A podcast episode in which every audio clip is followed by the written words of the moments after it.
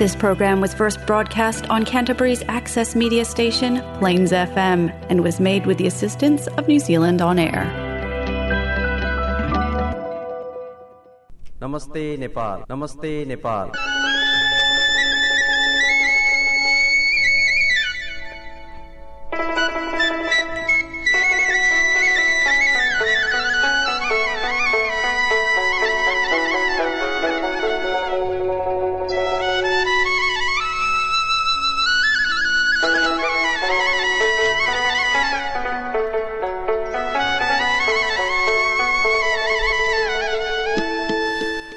नमस्कार। Plains FM ninety six point nine मेघाजमा यो हो कार्यक्रम Namaste Nepal.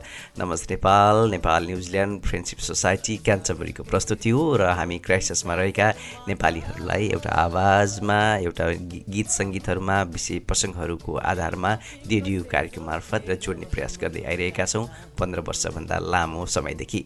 यहाँहरूले पनि हामीलाई सुनेर साथ दिने प्रयास गर्दै आउनुभएको छ। क्राइसिस आसपासमा ninety six point nine mega हर्जको frequency modulation मार्फत कार्यक्रमलाई प्रत्यक्ष रूपबाट सुन्न सक्नुहुनेछ भने यहाँहरूले नमस्ते नेपाल क्राइस्टर्स न्युजिल्यान्ड नामको फेसबुक पेजमा जोडिसकेपछि पोडकास्टको माध्यमबाट पनि यहाँहरू कार्यक्रममा आफू अनुकूल हुने समयमा जोडिन सक्नुहुनेछ। जस्तै क्राइस्टर्सभन्दा बाहिर रहनुभएका श्रोताहरूलाई पनि थाहा भइ नै सकेको छ Plains FM dot ORG dot एनजेडमा गइसकेपछि सोमबार बेलुका आठ बजेको यो समयमा कार्यक्रम नमस्ते नेपालसँग प्रत्यक्ष रूपबाट जोडिन सक्नुहुनेछ र हाम्रो पुनर्प्रसारण भने बेलुका आठ बजे बिहिबार आउनेछ। नमस्ते नेपालको आजको रिभिजिट श्रृङ्खलामा न्युजिल्यान्डका लागि नेपाली अवैधानिक राजदूत आत्मराम खनालजीसँग गरिएको कुराकानी प्रस्तुत गर्न लागिरहेको छु। हुन त अहिले न्युजिल्यान्डमा पनि दुईवटा अवैधानिक दूतावासहरू स्थापना भइ नै सकेका छन्। एउटा तरङ्गमा छ भने अर्को अकल्यान्डमा रहेको छ र आत्माराम खनाल तरङ्गाको आसपासमा रहेर अवैधानिक दूतावास मार्फत नेपालीहरूका लागि सेवा सुविधाहरू दिने प्रयास गर्दै आउनुभएको छ।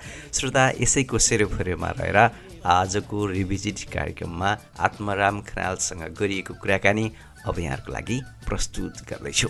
वाणिज्य दूत खनालजी यहाँलाई कार्यक्रम नमस्ते नेपालमा हार्दिक स्वागत गर्दछु। धन्यवाद विनोदजी। मलाई आज यस नेपाल न्युजिल्यान्ड फ्रेन्डसिप सोसाइटीद्वारा सञ्चालित नमस्ते नेपाल कार्यक्रममा रूपमा आज बोल्ने मौका दिनुभयो। यहाँलाई म धेरै धेरै धन्यवाद दिन चाहन्छु। विशेष आजको कार्यक्रम अलिकति सूचनामूलक जानकारीमूलक होस् भन्ने पनि आशा गरेको छु। हाम्रो यो अवैधानिक मा वाणिज्य दूतावास न्युजिल्यान्डको स्थापना कसरी भयो यसैबाट सुरुवात गरौँ न आजको कुराकानीलाई। हाम्रो यस नेपाली अवैधानिक वाणिज्य दूतावास न्युजिल्यान्डको तारुङ्गाको अफिसको विधिवत स्थापना तेइस डिसेम्बर दुई हजार बिसमा भएको हो।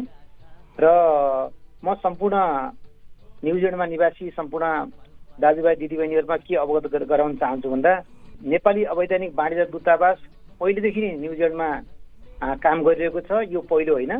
र योभन्दा पहिला पनि विभिन्न तपाईँको अवैधानिक वाणिज्य दूतले न्युजिल्यान्डमा सेवा दिइरहनु भएको थियो।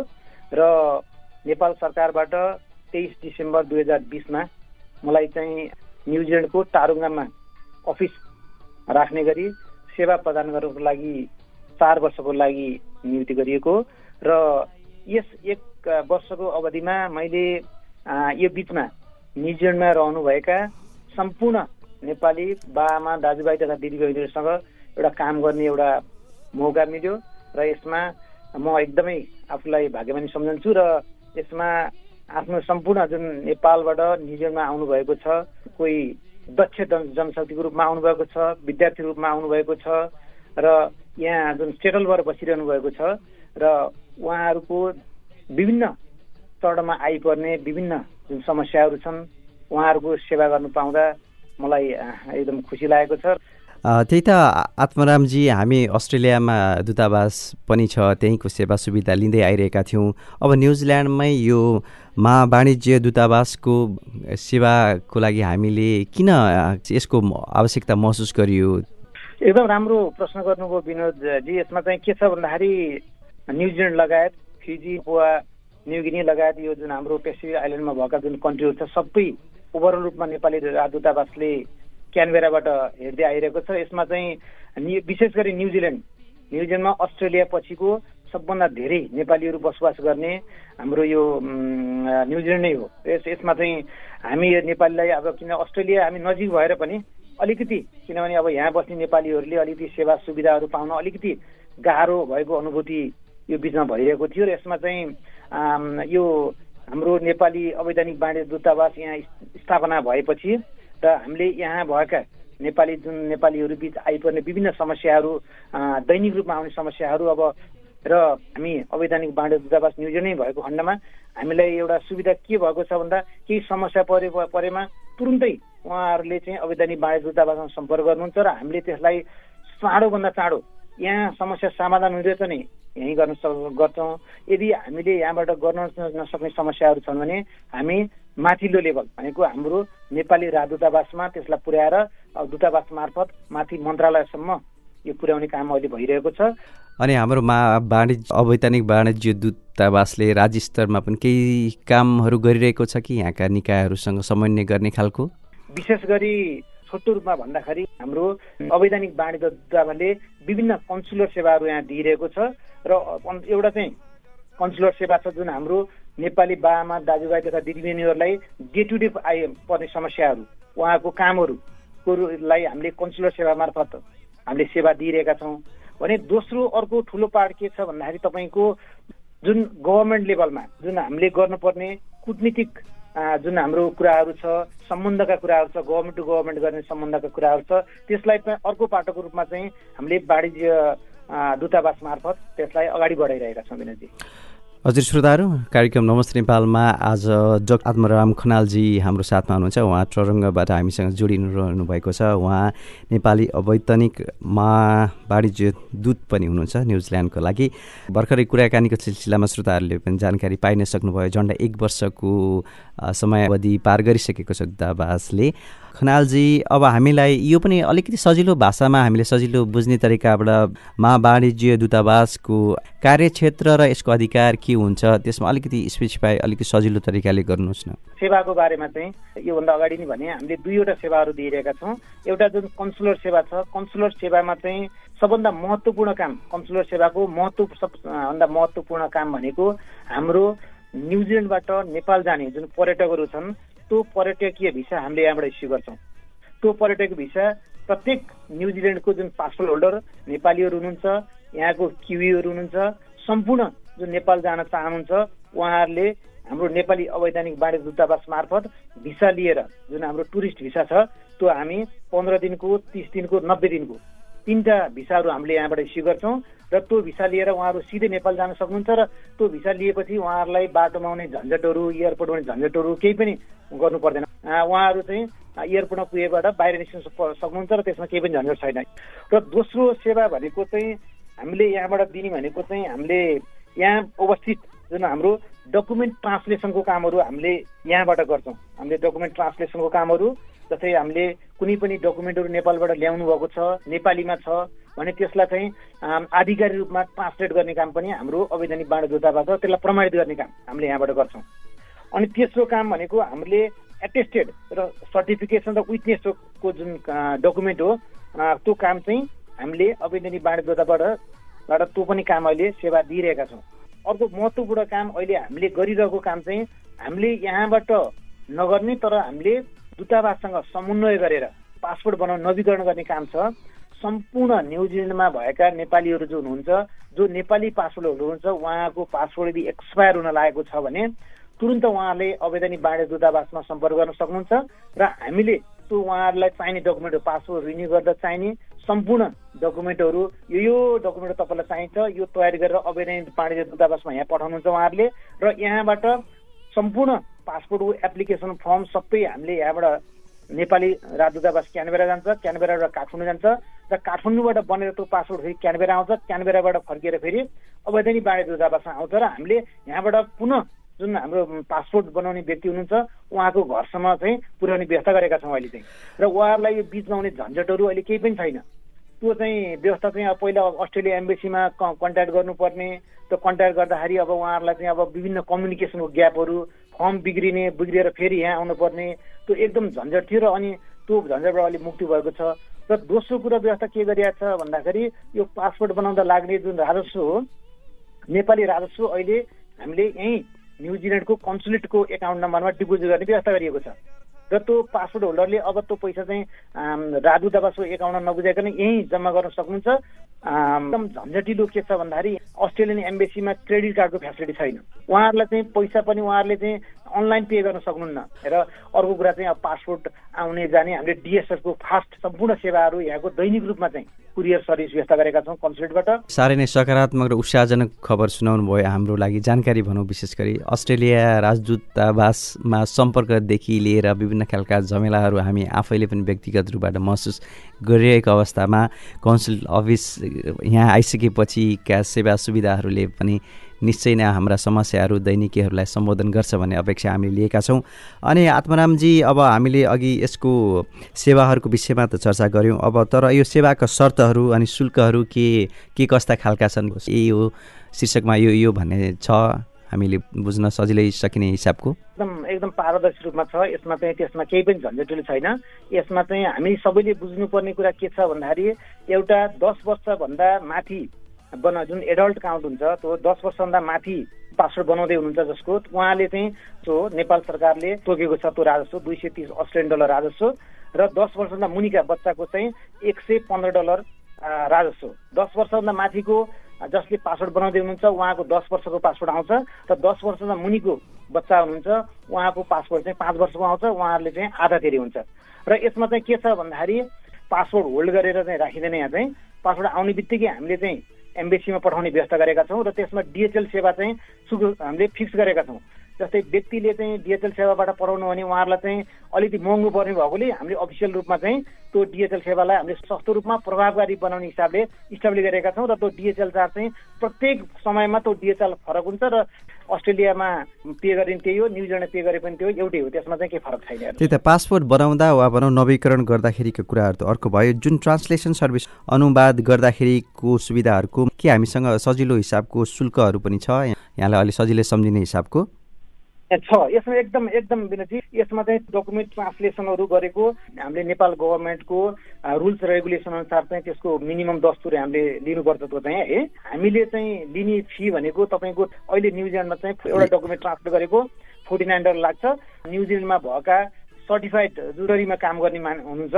उहाँहरूलाई पनि त्यो फी बुझाउनु पर्छ फेरि हेर्नुहोस्। अनि त्यो भएको हुनाले चाहिँ जुन सर्टिफाइड नोटरीबाटै ट्रान्सलेट गराएर हामीले प्रमाणित गर्ने काम गर्छौँ त्यो चाहिँ। त्यही त आत्मारामजी आजको कार्यक्रममा यसरी जानकारी दिँदै गर्दाखेरि मलाई पनि धेरै नै रमाइलो लाग्यो किनभने अस्ट्रेलिया पठाउँदाखेरिका झन्झट हामीहरू धेरैले महसुस गरेका छौँ। विशेष गरी यहाँ पिआर भइसकेका र उनीहरूको बच्चा जन्मिसकेपछि बच्चाको पासपोर्ट बनाउनु पर्ने अनि यहीँ पनि वर्क भिजा लिएर बस्नुभएकाहरूको नवीकरण गर्ने र उहाँहरूको बालबच्चाहरूको पनि नवीकरण गर्नुपर्ने अथवा नयाँ बनाउनु पर्ने अवस्थाका प्रक्रियाहरूमा सामेल हुनुपर्दा झन्झिटल कुराहरू बिस्तारै अब घट्दै गए वा पनि घटिसके भन्ने अवस्थामा पुगिसक्यौँ त अब हामी? होइन विनोदजी यो पूर्ण रूपमा यो हट्यो भनेर म भन्दिनँ किनभने हामीले यसलाई चाहिँ अलिकति एउटा सहजीकरण गर्ने काम चाहिँ अवश्य गरेका छौँ यसमा चाहिँ होइन? अझै पनि कति न्युजिल्यान्डमा बस्ने हामी नेपालीहरू बिच यो एउटा जानकारी अझै पनि पुगेको रहन्छ जस्तो मलाई फिलिङ भएको छ। कति अहिले अस्ट्रेलियामा कुरा गर्दाखेरि अझै पनि अस्ट्रेलिया फोन गर्नुहुन्छ उहाँहरूले र होइन मेरो पासपोर्ट हुन यस्तो गाह्रो हो यस्तो गर्नु पऱ्यो भनेपछि अस्ट्रेलियाको एम्बेसीले अब मेरो कन्ट्याक्ट दिनुहुन्छ र उहाँहरूले मलाई फोन गरेर भन्नुहुन्छ। तर चाहिँ यसलाई चाहिँ अझै पनि भविष्यमा यसलाई अझै परिष्कृत बनाएर अझै सजिलो हुने किसिमले लाने चाहिँ मैले प्लान गरेको छु। यसको लागि चाहिँ एउटा घुम्ती कन्सुलर सेवा इस्टाब्लिस गर्ने न्युजिल्यान्डमा घुम्ती कन्सुलर सेवा भनेको कस्तो भन्दा इन्भर कारगिलदेखि लिएर तपाईँ नर्थल्यान्डदेखि लिएर यता ग्रिजबन साइडतिर सबै वेलिङटन सबै साइडमा कभर गर्ने गरेर वर्षको एकचोटि हामीले एउटा घुम्ती सेवा चलाइयो भने त्यसले चाहिँ एकदम राम्रो सन्देश जान्छ जस्तो लाग्छ। नेपाली राजदूतावास क्यानबेराबाट पनि सके राजदूत नसके त्यहाँको हाम्रो चाहिँ प्रथम सचिव अथवा द्वितीय सचिवको हुनुहुन्छ।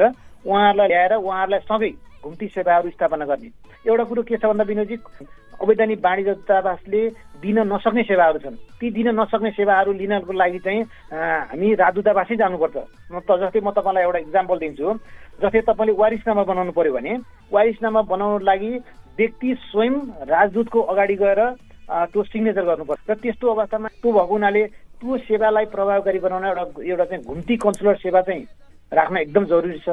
त्यो हामीले यो यही वर्षको जुनमा चाहिँ हामीले सञ्चालन गरेका थियौँ। जो एउटा एउटा क्राइसिसमा हुँदै क्राइस्टमा वालिङटन तपाईँको तारुङ्गा तपाईँको हेमिल्टन अकल्यान्डमा। हामीले त्यो सेवा गत यो जुन जुलाईमा सम्पन्न गऱ्यौँ। र अब यही प्रकारको सेवा चाहिँ हामीले यो अहिले यो बोर्डर खोल्ने बित्तिकै अब सायद जनवरीको इन्डमा अथवा मिड जनवरीमा चाहिँ यो सेवा दिन दिनको लागि मैले राजदूतावासमा कुरा गरेर एउटा प्रोग्राम पनि फिक्स भइसकेको छ। वारिसनामा लिने साथीहरू एकदम धेरै हुनुहुन्छ यहाँ चाहिँ। वारिसनामामा अब हाम्रो जति सम्बन्ध विच्छेदका कुरा छन् होइन? नेपालमा रहेको जति सम्पत्तिहरू बिक्री वितरण आफ्नो बिक्री गर्नुपर्ने कुरा छ कति होइन? हो त्यस्तो कुराहरूलाई चाहिँ हामीले चाहिँ एउटा राम्रो वर्षको दुईचोटि मात्रै ल्याएर हामीले यो कन्सुलर सेवा दिन सकियो भने त्यसबाट चाहिँ ठुलो एउटा राहत हुन्छ महसुस हुन्छ राहत पुग्छ भन्ने चाहिँ एउटा मैले महसुस गरेको छु विनयजी। त्यही त तेइस डिसेम्बर सन् दुई हजार बिसमा सुरु भएको यो अवैधानिक मा वाणिज्य दूतावासले लगभग यो एक वर्षको अवधिमा के कस्ता खाल कति सङ्ख्यामा आफ्ना सेवाहरू नेपालीहरू समक्ष पुर्यायो? तपाईँ यहाँ सजिलै भन्न सक्ने अवस्थामा हुनुहुन्छ। पहिला चाहिँ हाम्रो अवैधानिक वाणिज्य वाणिज्य दूतावास कहाँ छ के सर्भिस दिएको थियो कसरी रन भएको थियो भन्ने कुरो प्राय चाहिँ मान्छेहरूलाई थाहा थिएन। एकदम धेरै सीमित व्यक्तिहरूलाई मात्र थाहा थियो। सीमित व्यक्तिहरूलाई थाहा थियो र अहिले यो चाहिँ अलिकति वृहत रूपमा चाहिँ गएको छ र ल है हाम्रो वाणिज्य दूतावास न्युजिल्यान्डमा छ र यो यो सेवाहरू दिएको छ है भन्ने कुरो अलिकति उहाँहरूमा चाहिँ अहिले एउटा राम्रो पोजिटिभ मेसेज चाहिँ गएको छ एउटा चाहिँ पासपोर्ट नवीकरणकै काममा चाहिँ अहिले जस्तै पाँच छ सयजना मान्छेहरूले यो वाणिज्य दूतावास मार्फतै पासपोर्ट बनाएर एकदमै हामीले सहजीकरण गऱ्यौँ त उहाँहरूलाई एउटा राम्रो सेवा भएको छ अनि दोस्रो कुरा चाहिँ एउटा महत्त्वपूर्ण कुरा अर्को के छ भन्दा विनोदी नेपाललाई पनि जुन कोभिडले जुन असर गरेको छ त्यसको लागि एउटा चाहिँ न्युजिल्यान्डको सरकारको तर्फबाट चाहिँ हामीले केही सहयोग पाइन्छ कि भनेर हामीले चाहिँ एउटा हाम्रो एउटा पहलको सुरुवात गरेका थियौँ। हामीले सुरुमा के गर्यौँ भन्दाखेरि उहाँहरूलाई चाहिँ रिक्वेस्ट लेटर पठायौँ यहाँबाट चाहिँ नेपाललाई तिमी यहाँ न्युजिल्यान्डले गभर्मेन्टले सहयोग गर्नु पर्यो भन्ने हिसाबले चाहिँ बाहिलेटर दुई तिनवटा मिटिङ भयो हेर्नुहोस् है। त्यो मिटिङको एउटा चाहिँ आउटपुट के आयो भन्दा राम्रो one million New Zealand dollar चाहिँ न्युजिल्यान्ड गभर्मेन्टले चाहिँ नेपाललाई सपोर्ट गर्यो हेर्नुहोस् त्यो चाहिँ। त्यो किनभने त्यो पहल चाहिँ हाम्रो अवैधानिक दूतावासबाटै भएको हो हेर्नुहोस् चाहिँ यसले दैनिक रूपबाट नेपालीहरूको समस्याको निराकरण गर्न सहजकर्ताको रूपबाट मात्रै काम गरेको छैन कि? यहाँ राज्य स्तरले गर्न पर्ने कामहरूमा पनि राज्यको प्रतिनिधि अङ्ग बनेर अवैधानिक मा वाणिज्य दूतावासले कार्य गरिरहेको छ सबै लगभग एउटा तहसम्म यो समाचार यो सूचना चाहिँ पुगेको छ जस्तो लाग्छ मलाई पनि। अर्को अर्को एउटा महत्त्वपूर्ण काम भनेको नेपाल र न्युजिल्यान्डको बिचमा चाहिँ हामीले जुन समधुर सम्बन्ध स्थापना गर्नुपर्ने हो त्यसको लागि चाहिँ नेपाल र न्युजिल्यान्डको बिचमा चाहिँ व्यापार प्रवर्तनदेखि लिएर पर्यटन प्रवर्तन यो बारेमा चाहिँ सेमिनार अर्गनाइज गर्ने फ्युचरमा र त्यो सेमिनारमा चाहिँ नेपाल सरकारको प्रतिनिधिलाई पनि यहाँ ल्याउने र न्युजिल्यान्ड गभर्मेन्टको प्रतिनिधिलाई पनि राखेर चाहिँ एउटा नेपालको टुरिज्म डेभलपमेन्ट टुरिज्म र यो जुन नेपालको इकोनोमी डेभलपमेन्टमा चाहिँ एउटा चाहिँ सम्बन्ध स्थापना गर्ने जसले गर्दा तपाईँको हजारौँ सङ्ख्याका क्युवीहरू चाहिँ नेपाल गएर घुम्न घुम्न गएर नेपालको चाहिँ एउटा इकोनोमिकमा चाहिँ राम्रो प्रभाव पारोस् भन्ने चाहिँ मेरो एउटा चाहना छ त्यो फ्युचरमा चाहिँ। त्यही त राज्यका विभिन्न निकाय स्तरहरूसँग यहाँका पनि त्यही स्तरका समुदायहरू सङ्घ संस्थाहरूलाई चाहिँ समन्वय गर्ने कार्यमा पनि मा वाणिज्य दूतावासले कार्य गर्न सक्ने भयो। हामी हामीले भनेका कुराहरू यही नै हौँ होइन? विशेष गरी यहाँ प्रत्यक्ष रूपबाट अब दूतावासमै रहेर कार्य गरिरहनु भएको छ। सामान्य भए पनि जटिल देखिने जटिल हुने खालका कस्ता खालका प्रकृतिका विषयहरू पनि यहाँको कार्यक्षेत्रमा आइपुग्दो रहेछ। आत्मरामजी लामो समयसम्म यहाँ आउनुभएको। काम विशेषले चाहिँ उहाँहरूको आफ्नो भिसा पनि नभएको स्थिति होइन? र कति समयदेखि यहाँ बसिरहनु भएको। कतिपयले अब अब बुझ्दै खोज्दै खोज्दै वाणिज्य दूतावासमा सम्पर्कमा आउनुभएको। यो एक थरी एउटा चाहिँ एउटा थरी समस्या त्यतातिरसँग सम्बन्धित छ हेर्नुहोस् एउटा चाहिँ होइन? अर्को कुरा चाहिँ होम भाइलेसन सम्बन्धी अलिकति कुराहरू पनि हामीलाई चाहिँ हाम्रो उसमा चाहिँ आएको छ हेर्नुहोस् यो चाहिँ है? यो वर्ष मात्रै चार पाँचवटा त्यस्तो कुराहरू वाणिज्य दूतावासमा आएको छ त्यो चाहिँ होइन? अब त्यसमा चाहिँ हामीले समन्वयकारी भूमिका पनि खेलेका छौँ त्यसमा चाहिँ। र कानुनी उसमा जाँदाखेरि अब कुन वेमा जानुपर्छ भन्ने कुराहरू चाहिँ त्यो सम्बन्धी पनि एउटा चाहिँ अब एउटा सल्लाह सुझावहरू दिइरहेका छौँ यहाँबाट हेर्नुहोस् अर्को कुरा चाहिँ अब अब नेपाल जान समस्या पर्यो जान सक्नु भएन उहाँको अब भिसा पनि छैन अहिले होइन? उहाँको स्टाटसै छैन एक किसिमले। र त्यस्तो अलिकति बिचलीमा बस्नुभएको चाहिँ अब केही नेपाली अब दाजुभाइ दिदीबहिनीहरू हुनुहुन्छ यहाँ चाहिँ होइन? त्यस्तो केस पनि रहेछ आत्मारामजी त्यस्तो केस छ। त्यसलाई चाहिँ अहिले हामीले चाहिँ भर्खरै मात्रै यो वर्ष चाहिँ तिनजनालाई चाहिँ हामीले यहाँबाट चाहिँ अब उद्धार गरेर वाणिज्य दूतावास मार्फत उद्धार गरेर नेपाल पठायौँ त्यसमा चाहिँ। भनेपछि पासपोर्ट एक्सपायर भइसकेको अथवा पासपोर्टको डेट भइरहे पनि भिजा नभएर त्यसरी पनि बस्नु भएको मान्छेहरू हुनुहुँदो रहेछ है? त्यस्तो हुनुहुन्छ। अब उहाँहरूलाई चाहिँ अलिकति एउटा कुरो म तपाईँको यो नमस्ते नेपाल मार्फत म एउटा कुरो के जानकारी दिन चाहन्छु भन्दा विनोदजी अब यदि तपाईँको पासपोर्ट एक्सपायर भएको छ र तपाईँको भिसा पनि छैन न्युजिल्यान्डको भने त्यो कन्डिसनमा पनि तपाईँले चाहिँ पासपोर्ट बनाउन सक्नुहुन्छ। तपाईँलाई त्यो कुरो म जानकारी दिन चाहन्छु। होइन एकदम राम्रो राम्रो कुरा। किनभने तपाईँ बाणिज्यसँग सम्पर्क गर्नुहोस् तपाईँको पासपोर्ट बन्छ। तपाईँको भिसा नभए पनि न्युजिल्यान्डमै बसेर तपाईँको पासपोर्ट बढेर आउँछ। यो वर्ष मात्रै तपाईँको पाँचजना त्यस्ता मान्छेहरूको पासपोर्ट बनेर आयो नेपालबाट हेर्नुहोस्। है? र त्यसको लागि केही कागजी प्रक्रियाहरू पुऱ्याउनुपर्छ। र त्यसको लागि वाणिज्य दूतावास तपाईँहरूलाई सहयोग गर्न तयार छ हेर्नुहोस्। साह्रै नै यो सहयोगी र सजिलो खालको सेवाका कुराहरू पनि यहाँले आज सेयर गर्नुभयो। श्रोताहरू Plains FM ninety six point nine mega हजमा आजको कार्यक्रममा विशेष गरी हामी सन् दुई हजार एक्काइसको अन्तिम कार्यक्रम भनिरहेका छौँ। त्यो पनि अलिक बढी नै जानकारीमूलक कार्यक्रम भइरहेको छ। कन्सुलेट सजिलो भन्दाखेरि वाणिज्य दूत आत्मराम खनाल आज हाम्रो कार्यक्रममा हुनुहुन्छ। आत्मरामजी यहाँको लगभग एक वर्ष कार्यकाल पुरा भएकोमा पनि यहाँलाई बधाई छ। आउँदा दिनहरू पनि सहज रूपबाट अगाडि बढिरहन् र नेपालीहरूले अझ बढी सेवा र सुविधाहरू प्राप्त गर्दै जाउन्। प्राइभेसीको कुराहरू पनि बिचमा एक जसो आए जस्तो लाग्यो। कन्सुलेट पनि एक किसिमको दूतावासकै सर्भिस हो हुन त। यहाँ धेरैले आफ्नो पासपोर्टका इन्फर्मेसनहरू सहकार्य गरिरहेको संस्था मार्फत राज्यकै एउटा निकाय मार्फत फेरि दूतावासमै पठाउनु पर्ने भएपछि त्यहाँ अलिकति असजिलो मान्नेहरूको लागि होइन यसमा चाहिँ यहाँहरू ढुक्क हुनुहोस् भन्ने खालको केही आश्वस्त पार्ने खालको केही कुरा तपाईँबाट आउँछ कि? पासपोर्ट भन्ने चिज एकदम व्यक्तिको एकदम नितान्त व्यक्तिगत प्राइभेसीसँग रिलेटेड कुरा हो त्यो चाहिँ हेर्नुहोस् होइन। यसमा चाहिँ के छ भन्दाखेरि पुरानो पासपोर्ट र नयाँ पासपोर्ट टोटल्ली त्यसमा चाहिँ तपाईँको नम्बर पनि फरक हुन्छ। त्यो यो नमस्ते नेपालबाट सम्पूर्ण न्युजिल्यान्डमा निवासी बाआमा दाजुभाइ दिदीबहिनीलाई के भन्न चाहन्छु भन्दा तपाईँ विश्वस्त हुनुहोस् तपाईँको पासपोर्टको प्राइभेसी कुनै पनि हालतमा तपाईँको यो प्राइभेसीलाई चाहिँ अब तलमाथि हुने दिने छैनौँ। र तपाईँको पासपोर्ट बनेर आएपछि राजदूतावासमा आउँछ। राजदूतावासले कन्सुलर अफिसमा पठाउँछ कन्सुलर अफिसर तपाईँबाट आउँछ होइन? व्यक्तिगत विवरण कतिको त्यो मिस्टेक भएर आयो भने के भन्दा उहाँहरूको त प्राइभेट इन्फर्मेसन मिस्टेक भएर आयो भने त उहाँहरूको त पछि फेरि अर्को रिपासपोर्ट बनाउनु पर्ने हुन्छ। र त्यो सवालमा चाहिँ एकताल भेरिफाई गरेर सम्बन्धी व्यक्तिलाई पठाउनु पर्ने हुन्छ त्यो चाहिँ हेर्नुहोस् होइन? र यदि गलत भएर उहाँको जन्ममिति गलत छ कि नाम गलत छ कि अथवा तपाईँको नागरिकता नम्बर गलत छ कि त्यो चिजहरू राम्रोसँग भेरिफाई गरेर ओके गरेपछि हामी सम्बन्धी व्यक्तिलाई पठाउँछौँ। पनि हामीले कन्सुलेट अफिसबाट पासपोर्ट पठाउँदा व्यक्ति बाहेक अरू कसैले पनि बुझ्न नपाउने पठाउँछौँ। उहाँहरूको चाहिँ है यसमा तपाईँहरू ढुक्क भयो हुन्छ। अनि आत्मरामजी योभन्दा अगाडि कन्सुलेटको काम चाहिँ यहीँको स्थानीय नागरिकले गर्दै आइरहनु भएको भए पनि थोरै सीमित व्यक्तिहरूलाई थाहा भएकै कुरा हो। उहाँ पछिको सेवा सुविधाहरू कार्यभार लिइसकेपछि यहाँका स्थानीय निकायहरू अनि राज्य स्तरका निकायहरूसँगको यहाँको समन्वय हुँदै गर्दाखेरि कस्तो खालको प्रतिक्रिया पाउनु भएको छ यो एक वर्षको अवधिमा? विनोदजी यसमा चाहिँ के छ भन्दाखेरि हामीहरूको यहाँको न्युजिल्यान्डको फरेन मिनिस्ट्रीसँग हाम्रो चाहिँ सिधा रूपमा हाम्रो सम्पर्क हुन्छ होइन? उहाँको फरेन मिनिस्ट्रीको न्युजिल्यान्डको फरेन मिनिस्ट्रीको वेबसाइटमा पनि हाम्रो कन्सुलरको नाम ठेगाना इमेलहरू सबै राखेको छ होइन? चार महिना छ महिनामा जुम मार्फत हाम्रो चाहिँ एउटा मिटिङ हुन्छ त्यसमा चाहिँ हामीले आफ्नो एक्सपिरियन्सहरू सेयर गर्छौँ जस्तो चाहिँ होइन? मैले चाहिँ उहाँहरूलाई चाहिँ हाम्रो नेपाली कम्युनिटीको समस्याहरू यो यो छ र त हाम्रो चाहिँ तपाईँहरूले यो समस्या समाधान गरिदियो गरिदिनु भयो भने राम्रो हुन्थ्यो होइन? अफिसियल रूपमा चाहिँ प्रेजेन्ट गर्छौँ त्यसमा चाहिँ उहाँहरूले पनि अब त्यसमा टिपोटको रूपमा चाहिँ मैले काम गर्ने भनेको हाम्रो क्यानबेरा दूतावाससँग समन्वय गरेर उहाँहरूको फिडब्याक लिएर र यहाँका कुराहरू चाहिँ अब नयाँ कुराहरू आयो भने उहाँहरूलाई चाहिँ अब च्यानल थ्रु चाहिँ दूतावासमा जानकारी दिने र दूतावासले चाहिँ आएका जुन कुराहरू चाहिँ मैले यहाँ राख्ने कुराहरू चाहिँ यो भइरहेको छ विनोदजी आत्मरामजी अब हामी कार्यक्रम नमस्ते नेपालको लगभग अन्तिम अन्तिम चरणमा आइ नै सकेका छौँ।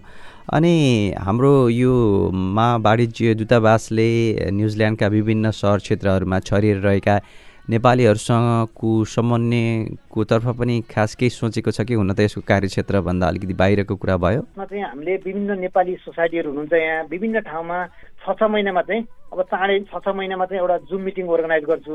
र त्यो मिटिङमा चाहिँ प्रत्येक सोसाइटीका चाहिँ अध्यक्षहरूलाई त्यसमा राखेर चाहिँ हाम्रो यो कन्सुलर सेवाको बारेमा चाहिँ जानकारी दिने प्रयास गरिरहेको छु र यसमा चाहिँ योभन्दा अगाडि चाहिँ हाम्रो दुईवटा मिटिङ भइसक्यो। हजुर श्रोताहरू Plains FM ninety six point nine मेघाजमा बेलुका आठ बजीदेखि सुरु भएको कार्यक्रम नमस्ते नेपालमा आज आत्मराम खनालजीसँग हामी कुराकानी गरिरहेका थियौँ। उहाँ सन् दुई हजार एक्काइसलाई लगभग विदा गरेर जाने बेला भइसकेको छ। यहाँलाई आउँदै गरेको सन् दुई हजार बाइसको धेरै धेरै शुभकामना विशेष गरी हाम्रो मा वाणिज्य दूतावासको कार्यशैली र कार्य अझ द्रुत स्तरमा बढ बढेर जाओस्। सबै सुविधा नेपालीहरूले व्यावहारिक रूपबाट पनि महसुस गर्ने अवस्थामा पुगुन्।